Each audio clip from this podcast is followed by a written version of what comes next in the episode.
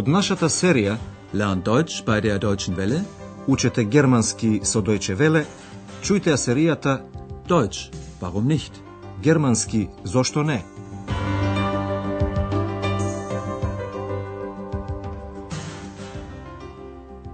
Liebe Hörerinnen und Hörer. Драги слушателки и слушатели, денеска ќе емитуваме 11-тата лекција од четвртата серија. Во минатата емисија слушнавте репортажа за сојузната покрајна Мекленбург-Фопоман, Мекленбург-Фопомарн. На север од оваа покрајна се наоѓа прекрасниот остров Риген. Rügen ist wunderschön. Deshalb kommen auch viele Touristen. Денешната лекција носи наслов Островот Риген, die Insel Rügen. Андреас и фрау Берга, која бара нов хотел, се наоѓаат на островот Риген. Таму во 1991 година беше основана иницијатива која сака да се бори, кемфн, против опасноста што се заканува да ја уништи природата на островот. Оваа опасност се заканува од шпекулантите, шпекулантн, кои на островот сакаат да градат голем хотелски комплекс. Андреас и фрау Берга разговараат со еден член на оваа иницијатива, која во 1992 година ја доби наградата за заштита на животната средина. Слушнете го разговорот. Што е целта на иницијативата? Sie sind von der Initiative für Rügen. Diese Initiative hat 1992 den Europäischen Umweltschutzpreis bekommen. Können Sie uns sagen, was Sie machen? Aber sicher.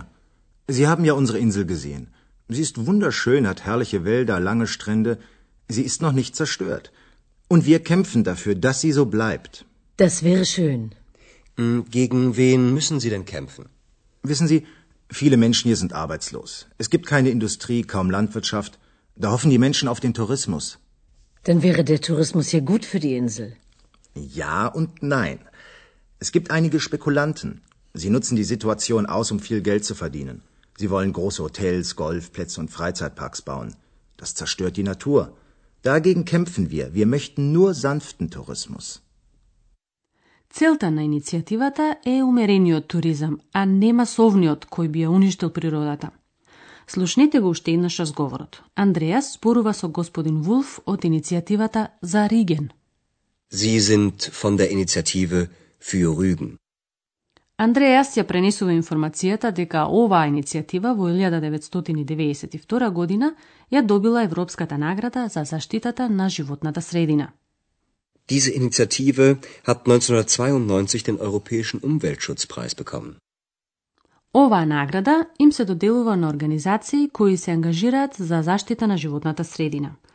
Од сите презентирани проекти од 17 европски земји, наградата ја доби иницијативата од Риген. Господин Вулф најнапред ја опишува убавината на својот остров. Инзел. Тој е прекрасен. Тука има убави шуми, долги плажи. Тој се уште не е уништен. Sie haben ja unsere Insel gesehen. Sie ist wunderschön, hat herrliche Wälder, lange Strände. Sie ist noch nicht zerstört. Иницијативата се бори за тоа да не се уништи природата на островот, а би било многу убаво кога би се успеало во тоа. Така мисли и фрау Берга и вели. Тоа би било многу убаво. Und wir kämpfen dafür, dass sie so bleibt. Das wäre schön. Андреас прашува, а против кого мора да се борите? Gegen wen müssen Sie denn kämpfen? Господинот Вулф ја објаснува ситуацијата на островот.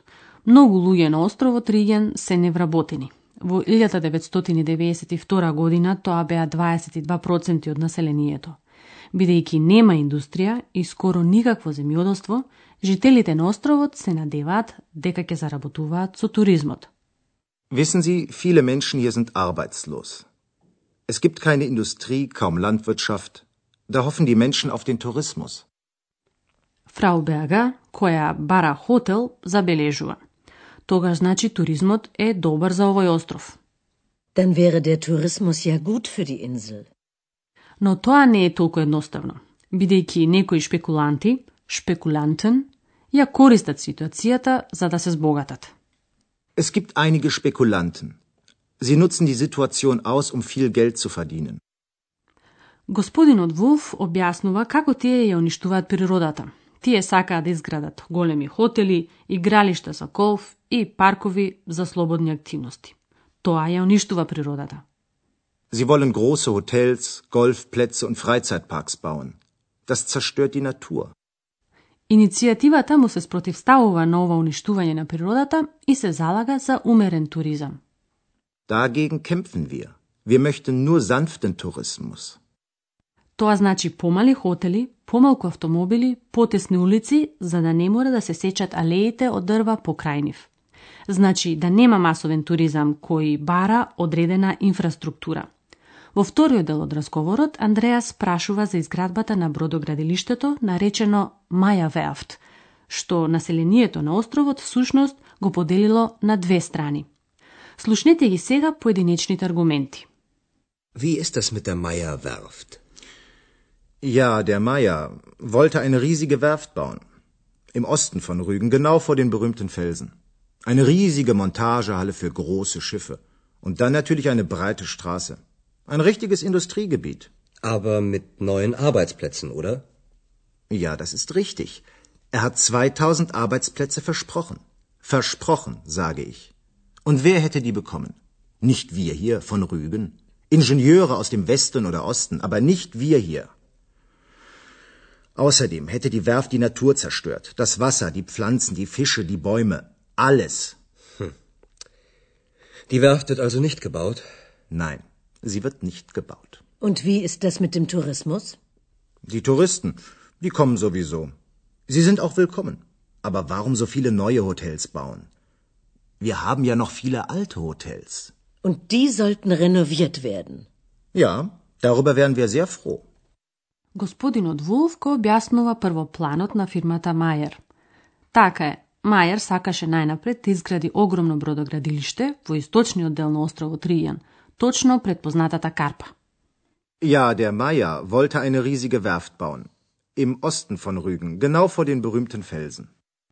Бродоградилиштето требаше да биде многу големо и ќе го затвореше погледот на убавото крајбрежје со познатата карпа од креда. Монтажната хала, монтаже хале, ќе беше многу висока, ќе требаше да се изгради посебен пат до бродоградилиштето. Господинот Вулф заклучува. Вистинска индустријска област. Eine riesige Montagehalle für große Schiffe. Und dann natürlich eine breite Straße. Ein richtiges Industriegebiet. Андреас ја познава аргументацијата на застапниците на оваа идеја. Ке се создадеа нови работни места, Arbeitsplätze. Aber mit neuen Arbeitsplätzen, oder? Господинот Вулф го потврдува тоа. Ja, das ist richtig. Er hat 2000 Arbeitsplätze versprochen. Но тој е убеден дека тие работни места не ќе ги добиеа жителите на островот Ријен. Und wer hätte die bekommen? Nicht wir hier von Rügen? Според него, работата ќе ја добиеа инженери од Западна и Источна Германија, а не мештаните. Ingenieure aus dem Westen oder Osten, aber nicht wir hier. Друг аргумент е дека толкаво бродоградилиште ќе ја уништеше природата. Водата, растенијата, рибите, дрвата, едноставно се. Außerdem hätte die Werft die Natur zerstört. Das Wasser, die Pflanzen, die Fische, die Bäume, alles. На крајот на 1992 година беше јасно дека бродоградилиштето нема да се гради. Причините за тоа беа различни, кои овде не треба да бидат наброени. Die Werft wird also nicht gebaut? Nein, sie wird nicht gebaut. Фрау Берга уште еднаш се навраќа на туризмот. Тоа е всушност темата која најмногу ја интересира. Und wie ist das mit dem Tourismus? Туристите во секој случај доаѓаат на Риген и добродојдени се. Но затоа не треба да се градат многу нови хотели. Die Touristen, die kommen sowieso. Sie sind auch willkommen. Aber warum so viele neue Hotels bauen? Повеќе места на Риген беа традиционални бањи, се разбира со хотели. Во времето на Германската демократска република, овие хотели не беа обновувани. Тие сега би можеле да се реновираат, како што вели господинот Вулф. Тоа многу би нарадувало. Wir haben ja noch viele alte Hotels. Und die sollten renoviert werden. Ja, darüber wären wir sehr froh. Може би фрау Берга ќе има шанса на овој начин да најде хотел. И ние сега ќе ви го објасниме образувањето на формата конјунктив 2 на глаголите haben и sein.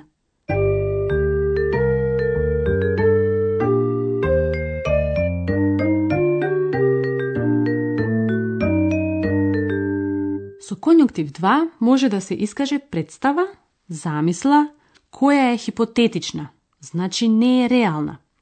Така, фрау Берга се замислува колку би било убаво кога природата на Риген би останала неуништена. Слушнете еден пример. Das wäre schön.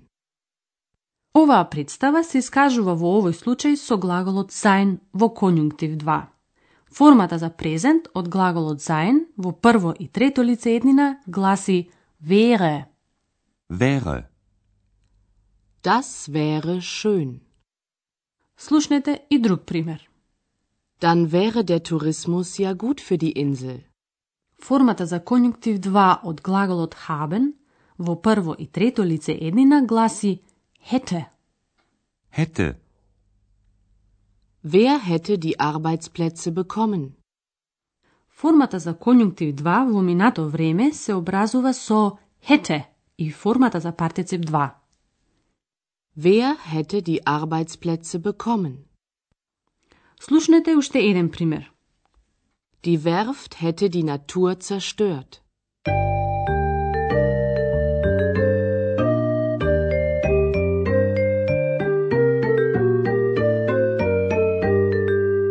Слушнете ги сега уште еднаш двата диалога.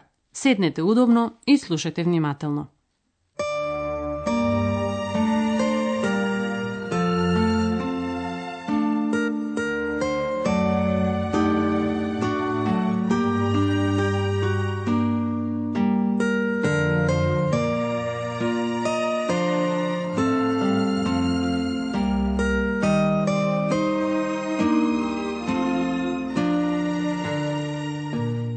Хеа Вулф од иницијативата за Риген му го објаснува на Андреас својот став за умерениот туризам. Sie sind von der Initiative für Rügen. Diese Initiative hat 1992 den Europäischen Umweltschutzpreis bekommen. Können Sie uns sagen, was Sie machen? Aber sicher. Sie haben ja unsere Insel gesehen. Sie ist wunderschön, hat herrliche Wälder, lange Strände. Sie ist noch nicht zerstört. Und wir kämpfen dafür, dass sie so bleibt. Das wäre schön. Hm, Gegen wen müssen Sie denn kämpfen? Wissen Sie, viele Menschen hier sind arbeitslos. Es gibt keine Industrie, kaum Landwirtschaft. Da hoffen die Menschen auf den Tourismus. Dann wäre der Tourismus ja gut für die Insel. Ja und nein. Es gibt einige Spekulanten. Sie nutzen die Situation aus, um viel Geld zu verdienen. Sie wollen große Hotels, Golfplätze und Freizeitparks bauen. Das zerstört die Natur. Dagegen kämpfen wir. Wir möchten nur sanften Tourismus. Господинот Вулф зборува за планираната градба на големото бродоградилиште на Риген. Wie ist das mit der Meyer Werft? Ja, der Meier wollte eine riesige Werft bauen. Im Osten von Rügen, genau vor den berühmten Felsen. Eine riesige Montagehalle für große Schiffe. Und dann natürlich eine breite Straße. Ein richtiges Industriegebiet. Aber mit neuen Arbeitsplätzen, oder? Ja, das ist richtig. Er hat 2000 Arbeitsplätze versprochen. Versprochen, sage ich. Und wer hätte die bekommen? Nicht wir hier von Rügen. Ingenieure aus dem Westen oder Osten, aber nicht wir hier. Außerdem hätte die Werft die Natur zerstört. Das Wasser, die Pflanzen, die Fische, die Bäume. Alles. Die Werft wird also nicht gebaut? Nein, sie wird nicht gebaut. Und wie ist das mit dem Tourismus? Die Touristen, die kommen sowieso. Sie sind auch willkommen. Aber warum so viele neue Hotels bauen? Wir haben ja noch viele alte Hotels. Und die sollten renoviert werden. Ja, darüber wären wir sehr froh. Во следната емисија ќе дознаете нешто за пиратот Клаус Штертербекер, кој бил роден на островот Риген. До тогаш до слушање. Тоа беше германски Зошто не? Радиоговорен курс на Херат Мезе во продукција на Дојче Веле и на Гетовиот институт од Минхен.